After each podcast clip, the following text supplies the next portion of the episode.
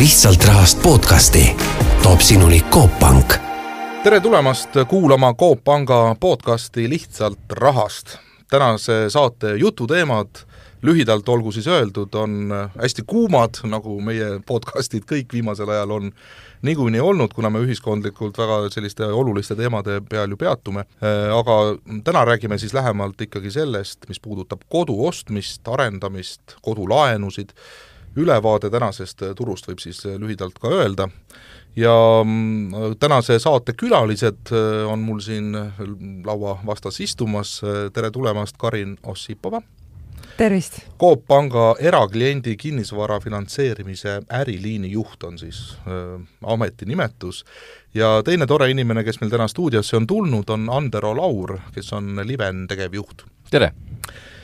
Tore, me räägime siis tõesti täna teemadel, mis arvatavasti puudutab peaaegu et kõiki inimesi Eestis, et ähm, kõik, mis koduga ju seotud on, on, on inimestele väga oluline. Ma korra teen sellise äh,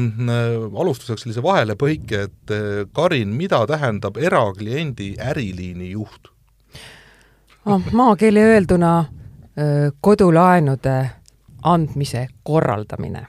on siis minu otsene töökohustus selge, nii et teie olete see kõige olulisem, et kui mina tulen panka teie juurde laenu tahtma, siis ma pean hästi läbi saama Kariniga. tegelikult nii ei ole, hästi peaksite te läbi saama võib-olla laenuhalduritega ahaa, vot kust neid nüüd leida? vot äh, neid leiab äh, ikka Coop pangast, Maakri tänavalt ja mitmest kontorist ka üle Eesti äh,. Pärnust, Tartust, Viljandist äh,, Võrust ja veel põhja pooltki Narvast ja, ja, ja mm, Rakverest. Aga, aga äh, lahkesti olete oodatud äh, meie kodulehel registreerima ennast nõustamisele ja siis võtab laenuhaldur juba ise ühendust. Lausa niimoodi, no see on küll hea uudis. Muidugi ma olen üsna kindel, par-, parandage mind, kui ma eksin, aga et ega see hea läbisaamine vist ainult ei, ei ole piisav. Et pank vaatab eriti vist viimasel ajal väga rangelt just numbreid, tulevikku, inimese, ma ei tea, prognoositavat maksevõimet ja nii edasi, et on see viimasel ajal siis tõesti nii karmiks muutunud, nagu siin rahvas räägib? Jah, ega see hea läbisaamine, see on muidugi pool võitu, sest hea läbisaamise all ma pean silmas avatud suhtlemist laenuhalduriga, mitte varjamist, mitte valetamist ja nii edasi, eks. Aga mis puudutab nüüd seda teie küsimuse teist poolt, tõdemust, et ajad on karmiks läinud, äh, jah, see ei tule kellelegi üllatusena, eks, et, et energiahinnad on oma, äh, oma töö teinud, aga teine ja võib-olla see on siis ka kõikidest nendest talvistest, kevadistest sündmustest äh, äh tingitud äh, teine noh, ma ei taha öelda kurjategija, aga mm, mure või peavalu valmistaja on meil kindlasti intressimäärad äh, laenuvõtjatele, sest äh, kui me mõtleme, et äh, et selline keskmine kodulaenu intressimäär oli äh, veel aasta alguses kahe protsendi ümbruses. ja siis me rääkisime intressimäärast kui ähm, äh, intressimarginaalist tingimustes, kus Euribor oli ju miinusmärgiga, ehk siis pangad võrdsustasid selle nulliga, ehk et Euribori ei olnud. oligi meil see intressimarginaal, mis oligi võrdne intressimääraga, siis täna me räägime ju äh, rohkem kui kahekordsest intressikulu tõusust, sellepärast et sellele kaheprotsendilisele intressimarginaalile on ju lisandunud äh, Euribor, kes rühib jõudsalt praegu ülespoole ja just vaatasin enne saadet, et kaks koma kolmkümmend seitse oli äh, kopikatega, oli siis see määr, ehk et siis intressimäär nüüd kokku on ju kliendi jaoks enam mitte kaks, vaid neli koma kolm, neli koma neli. No need inimesed, kes sellel noh, nii-öelda heal ajal, kus Euribor oli tõesti miinusmärgiga, on nüüd laenu võtnud, ei pruugigi võib-olla üldse teada, mis imeloom see Euribor üldse on, et äkki me siin kahe sõnaga püüame hästi niimoodi lihtsas keeles ära seletada, et miks ta on, mis ta on ja, ja mis ta ka siis nüüd veel tulevikus võib saama hakata, et räägitakse ju, et ega me oleme olnud ju seal nelja protsendi peal ka, et Euriboriga, nii et midagi koguni üle viie. no koguni üle viie jah, et et mis asi see Euribor on siis? katsun maakeeli seda nüüd kuidagi selgitada, nii nagu ma iseendale olen seda selgitanud äh,, laenulepingutes on väga kohutav lohisev igasuguste institutsioonidega lause, ma seda ei hakka siin isegi et, ette lugema, aga niimoodi lihtsas keeles öelduna, see on sisuliselt äh, Euroopas juhtivate pankade poolt äh, üksteisele hoiustamisel välja kujunenud siis hoiuse intressimäär. ja noh, mis see hoius on? hoius on tegelikult mõnes mõttes ju ka laen Äh, kui klient toob oma hoiuse panka, siis pank maksab talle intressi selle eest, sisuliselt klient annab mõneks ajaks pangale justkui laenu ja pank maksab selle eest intressi, nii et võib öelda, et mm, Euribor on panga mm, no, mingisuguse ja päris suure osa laenu ressursi hind. pank maksab oma laenuressursi eest, mida ta saab edasi siis laenata. -hmm. ja ta paneb veel marginaali ka juurde, eks ole? ja ta paneb marginaali juurde, aga nende kahe asja vahel ongi vahet äh, vaja teha sellisel moel, et et Euribor väljendab ähm, hinda, mida pank maksab oma ressursi eest ja riskimarginaal, mis sinna juurde siis nüüd kodulaenu juurest pannakse, see väljendab äh,, see on nagu kliendipõhine, eks ju, ja ta väljendab pigem nagu kliendi riskiastet kogu selle tehingu struktuuri võib-olla riskiastet no igal juhul on ta nüüd kõrgem ja need maakeeli öeldes laenumakse on palju kõrgem, eks ole, kui see, kui inimene võttis äh, laenu selle miinusmärgiga Euribori puhul. et äh, kui palju on see esiteks mõjutanud neid olemasolevaid teie kliente, on äh, hapuks läinud juba palju laene ja, ja kuidas see te,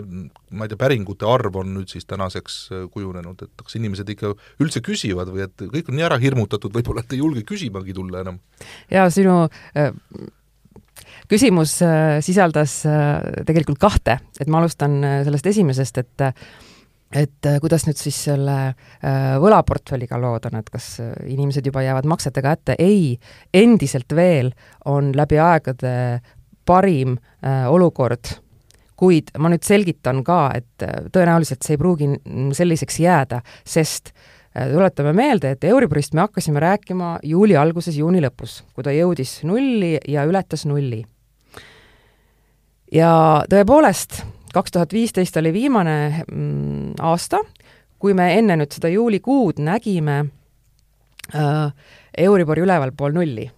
kahe tuhande viieteistkümnendast umbes kuskil seal Äh, on ta siis alla nulli, mis tähendab seda, et, et sellest alates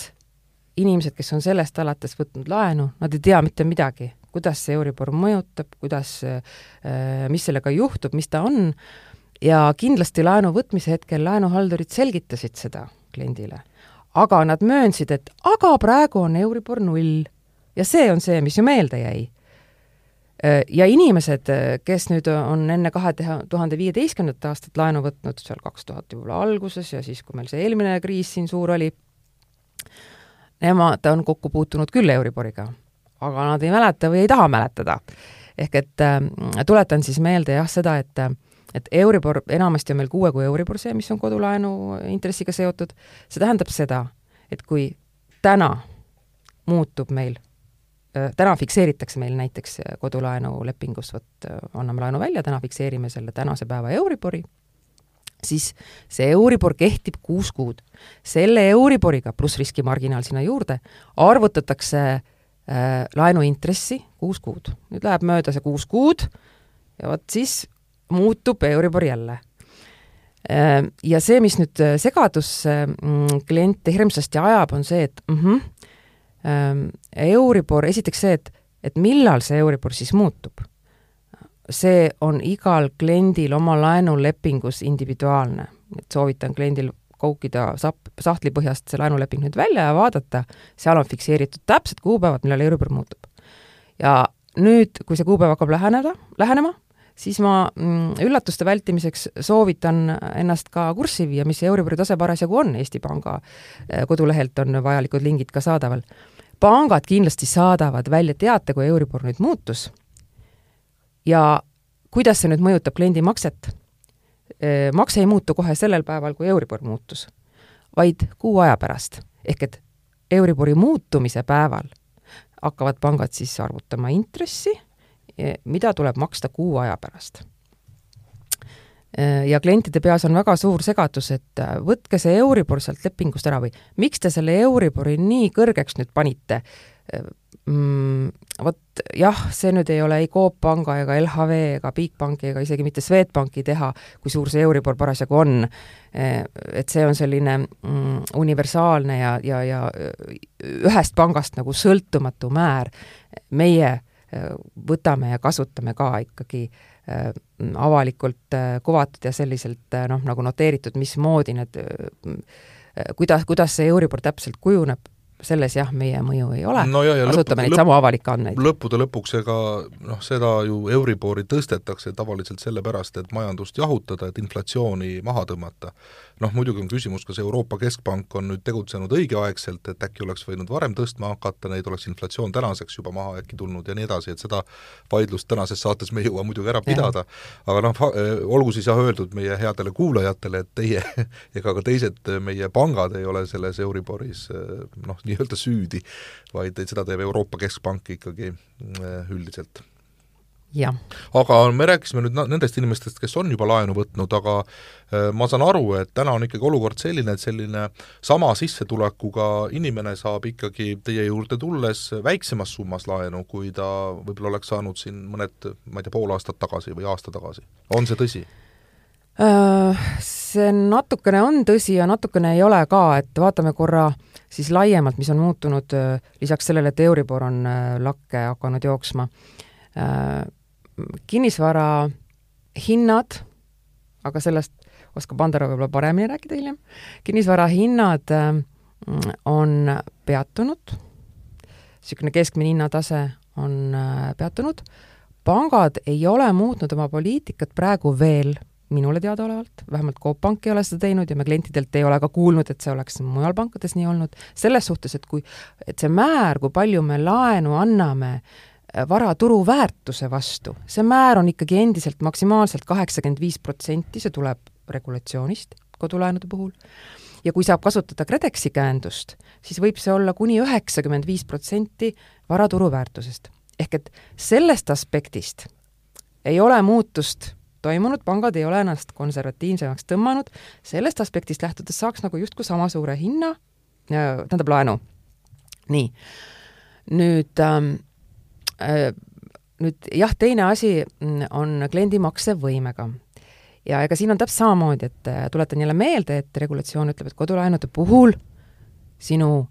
igakuised finantskohustused võivad moodustada poole maksimaalselt sinu sissetulekutest. kusjuures just nende ujuvate baasidega arvestatud laenumakse, nagu siis meie kodulaen, mis on seotud kuue kuu Euriboriga, äh, selle me arvutame nii-öelda stressintressimääraga kuus. ja ütleme niimoodi, et kodulaenu keskmine intressimäär praegu ei ole veel selle kuueni jõudnud. ehk et seesama, see nõue,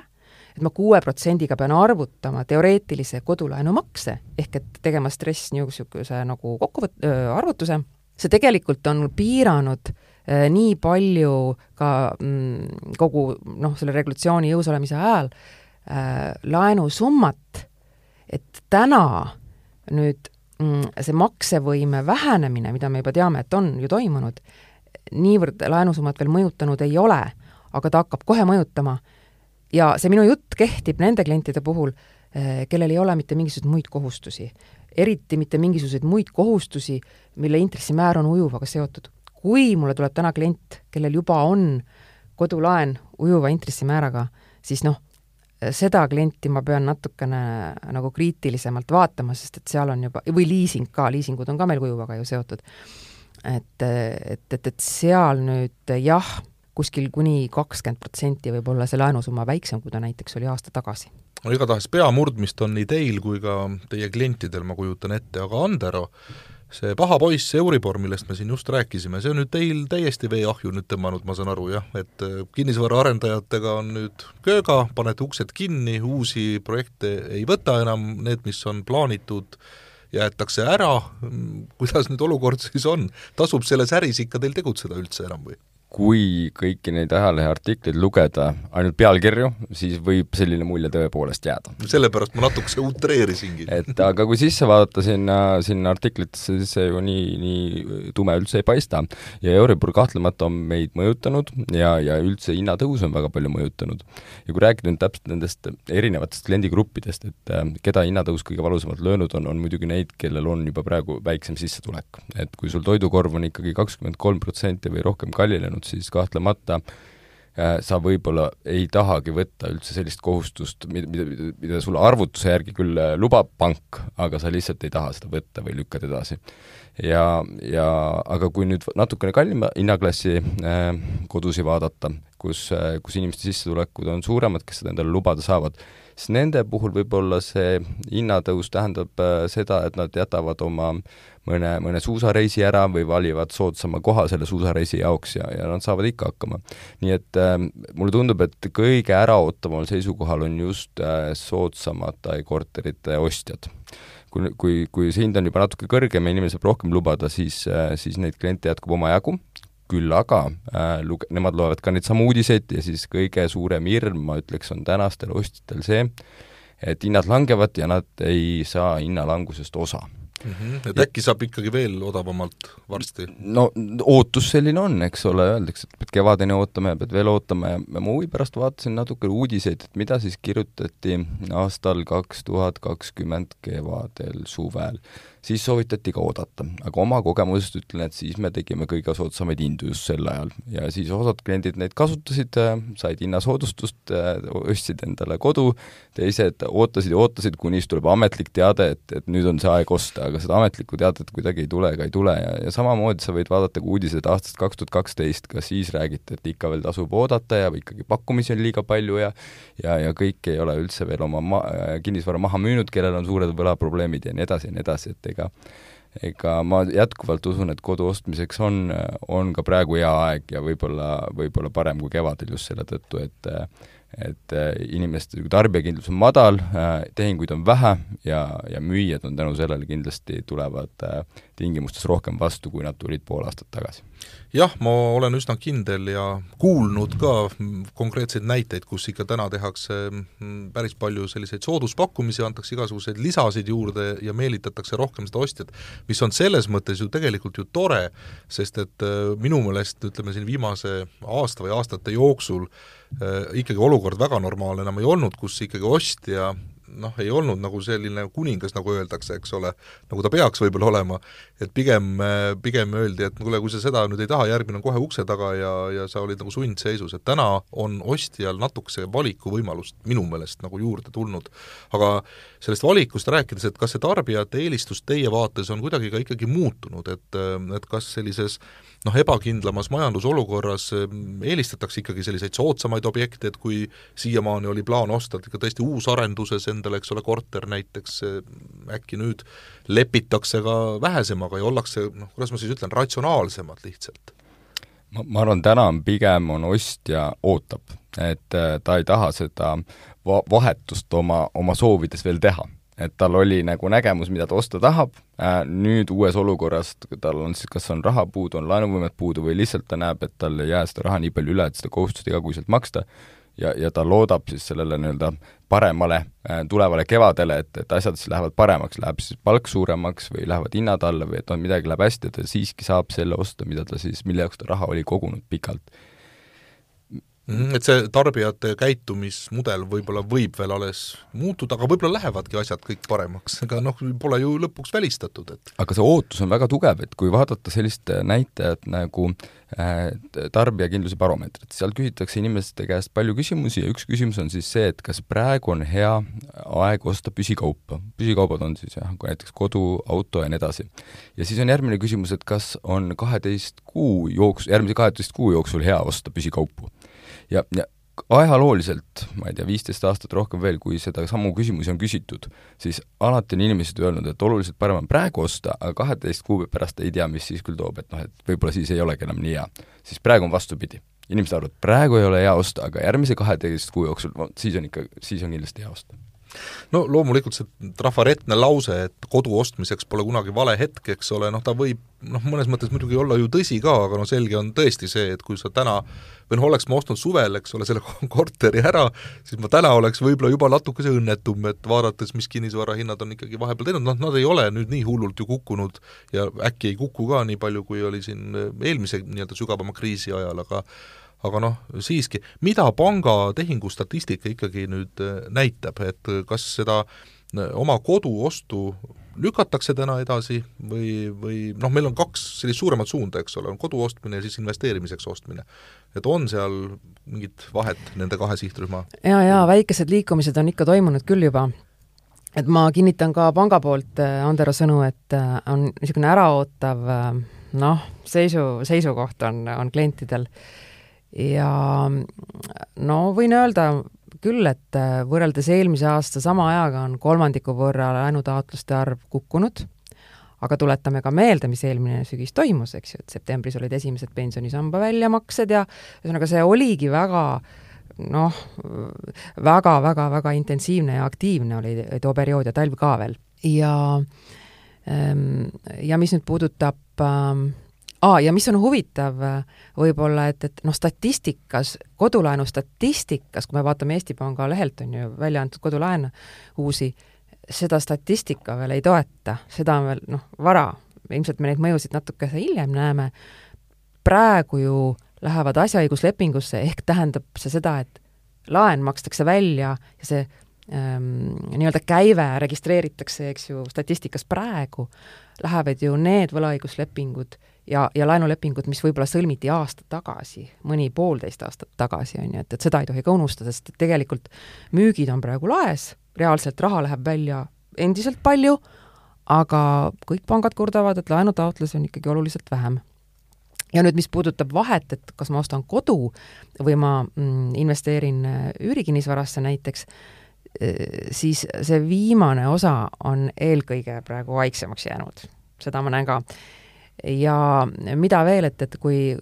ma olen ka päris kaua kodulaenudega tegelenud juba siin, võiks öelda juba paar aastakümmet, mm, siis varasematel aegadel, kui sa uue kodu ostsid, siis sa olid sunnitud vana kodu maha müüma selleks, et oma finantseeringut pangale näidata ja ütleme, et pangad olid ka tegelikult ettevaatlikumalt tolle, tol, tol ajal isegi siis oli põhimõte, et, et, et noh, sul kodulaen siis ikka üks kodu ja ei ole midagi sellist, et sul on kaks kodu ja nüüd sa võtad veel kodulaenu, siis praegu ja viimastel aastatel on see trend ikkagi olnud, et need vanad kodud jäetatakse, jäetakse alles, klientidel on see võimalus, nendel on juba tekkinud ka mingisugune oma noh, likviidsem vara, raha, mida nad saavad uue kodu ostmisele oma finantseeringusse panustada või seesama vana kodu panna lisatagatisena, et katta oma finantseeringu osa et, et, et see on olnud äh, niisugune trend, et need vanad kodud jäetakse alles, antakse üürile, siis ma ütlen, et viimastel kuudel mm, oma krediidiotsuste ja projekte lugedes ma näen, et klientidel on ikkagi nüüd kasvanud see plaan, et ma vist tahan selle vana kodu maha müüa selleks, et oma kulusid vähendada. aga noh, saab näha, mis tulevik toob. no kindlasti saame näha jah, loodetavasti tulevik ei ole liiga must ja, ja õudne. ma küsin korra veel ikkagi Libeni poole pealt, et äh, te olete ka mõned äh, arendused seisma pannud või kuidas teil lood on? ei, me ei ole ühtegi arendust seisma pannud ja, ja kui neid uudiseid ka täpsemini lugeda, siis ma arvan, et, et keegi nagu päris seisma midagi ei ole pannud, et see, et, et kellelgi on plaanid muutunud ja ehitust alustatakse hiljem, see on normaalne, et kui sul on ju müüke vähem, miks sa siis alustad selle ehitusega enne, kui sa ei ole vana ära müünud, eks et kui vaadata näiteks Skandinaavia poole, siis seal leiad lausa kodulehtedel on ilusti öeldud, müük on alanud, seal on allkirjas, et alustame ehitusega siis kui, kui viiskümmend protsenti on müüdud. et noh, ja, ja see ongi ausalt välja öeldud ja siis ostjad ootavad, nad ei teagi, kaua nad ootavad, aga siis, kui viiskümmend protsenti on müüdud, siis hakkab ehitus pihta. sellega tagatakse, et see nõudlus ja pakkumine on kenasti tasakaalus, et ei ole niimoodi, et ehitame aga valmis ja valmis, siis on need tühjad korterid ja, ja ja satub keegi finantsraskustesse, sellepärast et need on müümata ja on laenuintressid. ma, ma arvan, et see on sellise küpse normaalse turu tunnus ja kui vaadata praeguseid arendusprojekte, mis on töös, siis on ikka väga vähe selliseid, mis hakkavad siin valmis saama, aga kus on siis palju müümata kortereid. Et eh, paljud on endale ostja leidnud tähendab seda, et arendajad on hästi, hästi kapitaliseeritud ja, ja projektid hästi juhitud ja ei ole kellelgi nagu ohtu, et satuvad pankrotti või midagi taolist.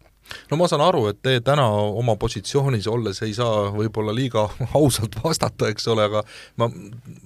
mäletan, et tuli ju eelmise kriisi ajal selline või mitte kriisi, vaid selle buumi ajal tuligi käibele mõiste, et vot see on see buumi ajal ehitatud, ma ei tea, maja või, või korterid, eks ole, ja asjad, et noh, neid justkui nagu ei tohiks üldse noh, ostagi ei tohiks sinnapoole vaadatagi, sest noh, nad on kuidagi niimoodi lipp lipi peal, lapp lapi peal kähku kokku lapitud, et saaks raha kätte ja noh, nii edasi, eks ole. nüüd vahepeal oli ju ka nagu justkui jälle buum, et kas see mõjutas ka noh, kinnisvara ehituse kvaliteeti taaskord või seekord tehti normaalsemalt asju? Ma arvan, tehti palju normaalsemalt, et noh, praegu see buumi, buum oli ikka väga palju teistsugune kui eelmine kord, et siin tekkis äh, hindade suur kasv oli ju ennekõike seotud sellise üldise inflatsiooniga et kui sa mõtled, et meil hinnad kasvasid kakskümmend kolm protsenti, kinnisvarahinnad, noh inflatsioon on ka kakskümmend kolm protsenti olnud, et noh, et nii võttes nojah, kuigi kinnisvarahinnad tulid vist vähe varem juba üles, kui inflatsioon takkajärgi jõudis. ja nüüd, ja nüüd peatusid ka varem. nüüd nad on hakanud jah, kuidagi lähemale ja nüüd, nüüd me peatusime ka varem, et kui, et, et natuke enne kui muu hinnatõus. et võib-olla ostjad või kinnisvaraostjad juba tajusidki ette, et nägid seda nii-öelda inflatsiooni tulemas ja nägid kinnisvaras võimalust siis sellist inflatsioonikaitset, mis ta traditsiooniliselt alati on ka olnud ja, ja oli ka seekord.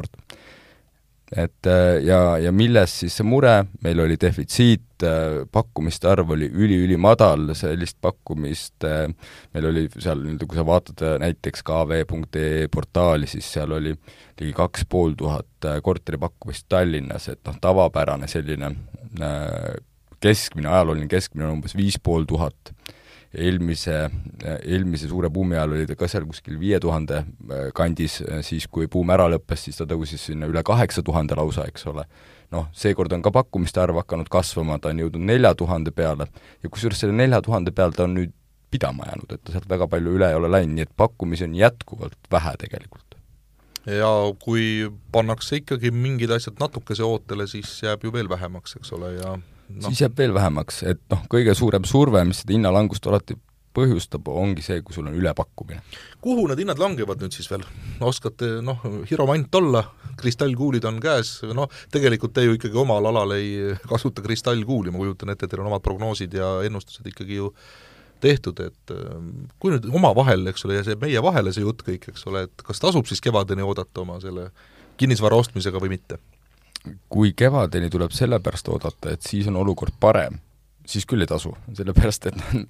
siis, siis enam ei tehta hinna, hinnaalandusi, et miks, miks peaks siis müüjad hinnaalandusi tegema, kui olukord on, kõik näevad, et olukord on parem ja, ja elu läheb edasi. et eh, parim aeg ikka ostmiseks on üldiselt siis, kui, kui tundub, et on väga halb aeg. et siis oleks müüja poolt palju rohkem valmis vastu tulema ostjatele no öeldakse niimoodi, et kui noh, linna mõistes, et kui kraanasid ei ole linnapildis enam, et siis on selge märk, et on sügav majanduskriis käes, et kui on kraanad püsti, siis on veel kõik hästi, et meil on kraanad püsti veel. meil on kraanad püsti. ma ei ole märganud, et neid oleks ka väga palju kuidagi isegi vähemaks jäänud, et juurde võib-olla pole tulnud, aga noh, ikkagi käid ja sõidad ringi ja näed, et ehitatakse nii kesklinnas kui ka ju ütleme siis ääre pool vähemalt Tallinna, mis puudutab. ma julgen prognoosida, et neid jääb vähemaks. ja, ja see probleem ei ole nüüd mitte kriisist tulenev, vaid see on probleem üleüldises kui vähe on meil uusi detailplaneeringuid, kui, kui aeglaselt neid menetletakse, kui vähe meil on uusi ehituslubasid, nii et, et see probleem paistab lähiaastatel ees ja, ja see kui meil majanduses äh, läheb jätkuvalt hästi, kui palgad, äh, palgad kasvavad edasi, siin praegu viimane palgakasvu kvartal oli vist kaheksa protsenti, et kui see jätkub, siis ma usun, et ka kinnisvaras nõudlus püsib, aga pakkumist lihtsalt mingi hetkel ei tule enam peale, sest neid äh, puuduvad ehitusload ja puuduvad detailplaneeringud ja see võib, võib põhjustada vabalt uue buumi, kus, kus defitsiit ajab hinnad üles. Nii et äh, ei ole ainult see kurikuulus Euribor äh, see, mis võib äh, asju siia-sinna muuta, vaid on ka puhas bürokraatia siis see, mis tegelikult takistuseks on saamas. nii on. noh, loodame siis, et vastavad isikud, kes on valitud otsuseid tegema seadusandluses ja, ja mujal, et nad siis vaatavad ka selle pilguga, et, et ei tapeta ära äh, siis arengut. aga ma korra tulen nüüd selle pangateema juurde veel tagasi, et me korraks puudutasime seda omaosaluse teemat, et äh, noh, loomulikult on vahepeal ühiskond üldiselt jõukamaks saanud ja võib-olla see ei ole enam nii terav probleem, aga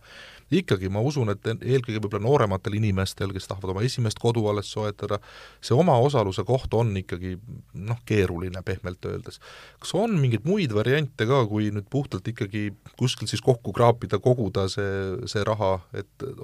mis, mis variandid omaosaluse maksmiseks üldse on? jaa, õigus küll, et rahvas on rikkamaks tõesti saanud, aga aga noortel inimestel jätkuvalt ei ole raha nii, nii nagu ka kakskümmend aastat tagasi küll aga noortel inimestel on jõukamad vanemad võib-olla ja vanematel on võib-olla juba laenuvaba kinnisvara. ehk et ähm, noh, see esimene asi, mis on niisugusele rahalisele omaosalusele alternatiiviks, ongi tegelikult lisatagatis ja väga sageli äh, kasutataksegi vanemate ja vahest harva ka vanavanemate kinnisvara. Ähm, pangad võib-olla liiga noh mm,, soosivalt ei vaata kolmanda isikute tagatiste peale. et kui sa ikkagi ise võtad laenu ja kohustuse, siis sa pead ikkagi ise nagu vastutama, eks ju, muidu on niimoodi, et võtad laenu, paned vanaema maja tagatiseks, pärast laenu ei maksa, vana jääb, vanaema jääb ka elu no ma korra vahele ütlen, et see vanaema on veel pehme variant kui nii võib öelda, et suuremad probleemid on just abieludega vist, nagu ma olen aru saanud, et noh, minnakse lahku ja ja siis on juhtunud vist ka nii, et üks osapool maksabki elu lõpuni laenu tagasi. jaa ja..., see on veel omaette, omaette temaatika. aga noh, seal on ikkagi, inimesed on ühiselt võtnud kohustuse ja see, kuidas nad seda lõpuks lahendavad, ausalt öeldes, see on juba nende probleem. see on aga... teise saate teema juba. just, teise saate teema, aga et vanaemad me peame küll kaitsma. ja igal juhul, sellega ma olen nõus ja, ja seetõttu jah, et ehk et siis vanemad ja vanavanemad on niisugune aktsepteeritav ringkond või seltskond, kelle vara lisatagatisena mm, noh, pakkuda on okei okay. enam-vähem okei okay,, kuigi seal me ka küsime hoolikalt ka vanaema enda käest, et kas sa mm, tead, mis võib juhtuda. kui ta ütleb, tean, siis me oleme nõus tehingut tegema. aga kõik seal em-, onud, tädid, sõbrad, ma ei tea, töökaaslased, see muidugi ei tule kindlasti kõne alla, on ka juhtumid, kus on pakutud niisuguseid variante. nii, aga nüüd, kui omal raha ei ole, vara, vaba vara ka ei ole, siis ähm, on ju äh, riik siin abi kätte ju andmas ka ja tegelikult ähm, päris usinasti on äh, KredEx siin ka juba paarkümmend aastat turul olnud, pakkumas just noortele, noortele spetsialistidele ja hiljem nüüd ka siis energiatõhusatele elamutele, lasterikastele peredele ja sellest aastast ka maapiirkondadele äh, käendust, mis asendab mingisuguse osa omafinantseeringu nõudest. see tähendab seda, et pank saab öö, vara turuväärtuse vastu anda suuremat laenu, kui ta ilma selle käenduseta oleks saanud anda siin pole kliendil vaja endal muret tunda, äh, nende kõikide nende tingimuste virvarris ei, ei jõua see klient äh, orienteeruda, pangalaenuhaldur teab täpselt, oskab välja valida täpselt selle õige asja, õige instrumendi mm, ja, ja tuleb nagu ja pakub välja, mis siis hea lahendus on, eks. et võib-olla siin ma nüüd kahe või ühe niisuguse huvitava äh, võimaluse juures peatun veel eraldi, see on nüüd ka KredExi maapiirkondade käendus ja see erineb täiesti KredExi sellisest tavapärasest harjumuspärasest kodulaenu käendusest. KredExi maapiirkondade käendusega on võimalik võtta pangast laen nii, et see pangale üldse kinnisvara tagatist ei pane. sellist käendust... see kõlab natukese uskumatu, nagu kui aus olla no,. eriti mis maapiirkondi puudutab, eks ole, me oleme ja. kogu aeg ju rääkinud, et seal selles piirkonnas kinnisvara soetamine on noh, üldse ilmvõimatu, just äh, ligipääs finantsvahenditele on nagu väga keeruline, aga nüüd on siis asjad muutunud, ma saan aru? Äh, jaa, talvest on muutunud, kahjuks seda teatakse jube vähe ja, ja ma pean ütlema, et äh,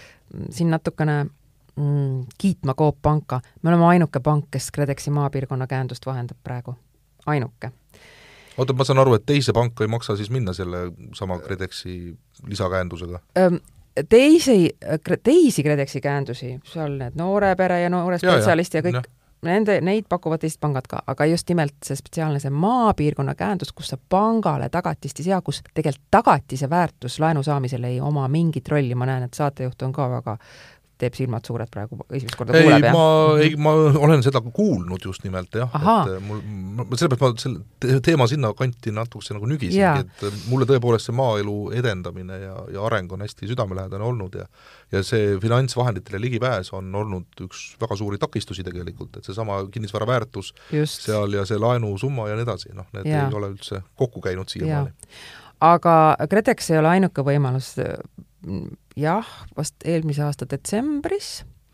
tuli ju Maaelu Edendamise Sihtasutus välja täitsa uue instrumendiga, nemad annavad panga kodulaenu juurde kaaslaenu, see kaaslaen asendab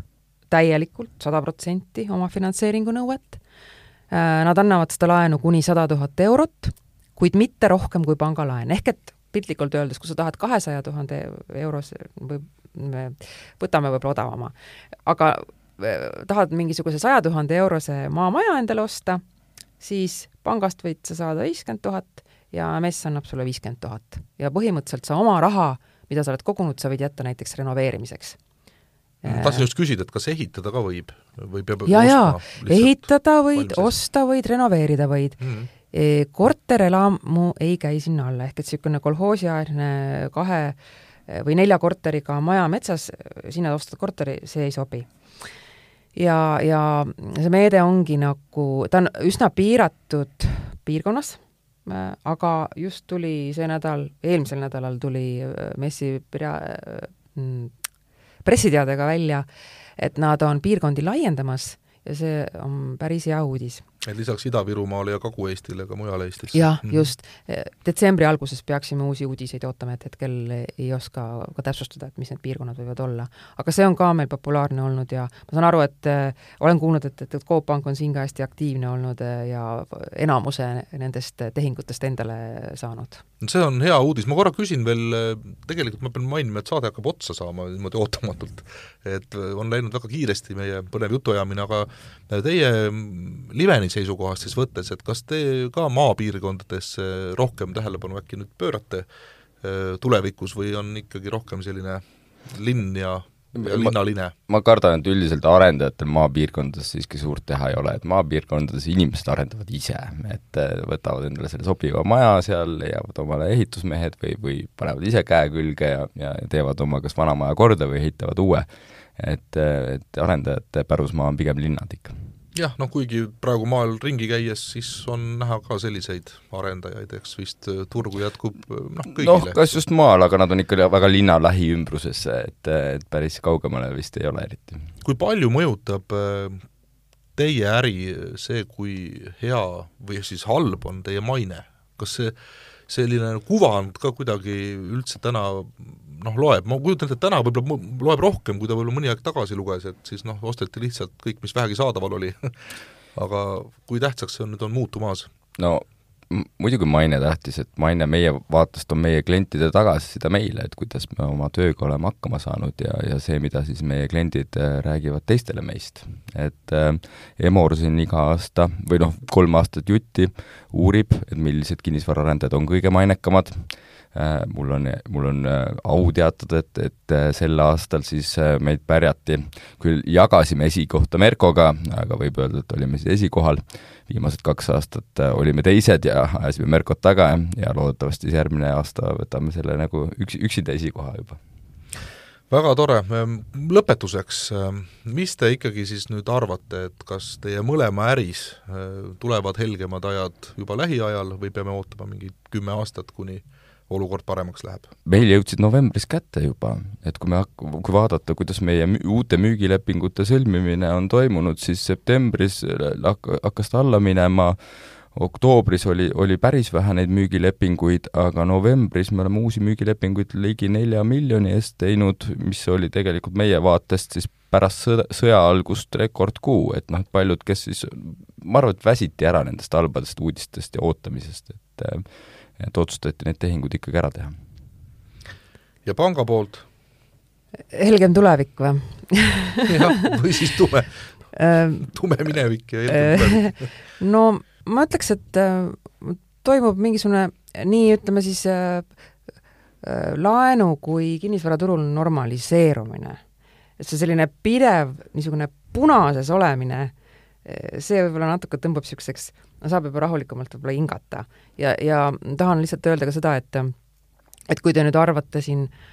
et või kui me arvame, et oi, et Euribor on kaks, et oi, see on küll nüüd maailma lõpp käes,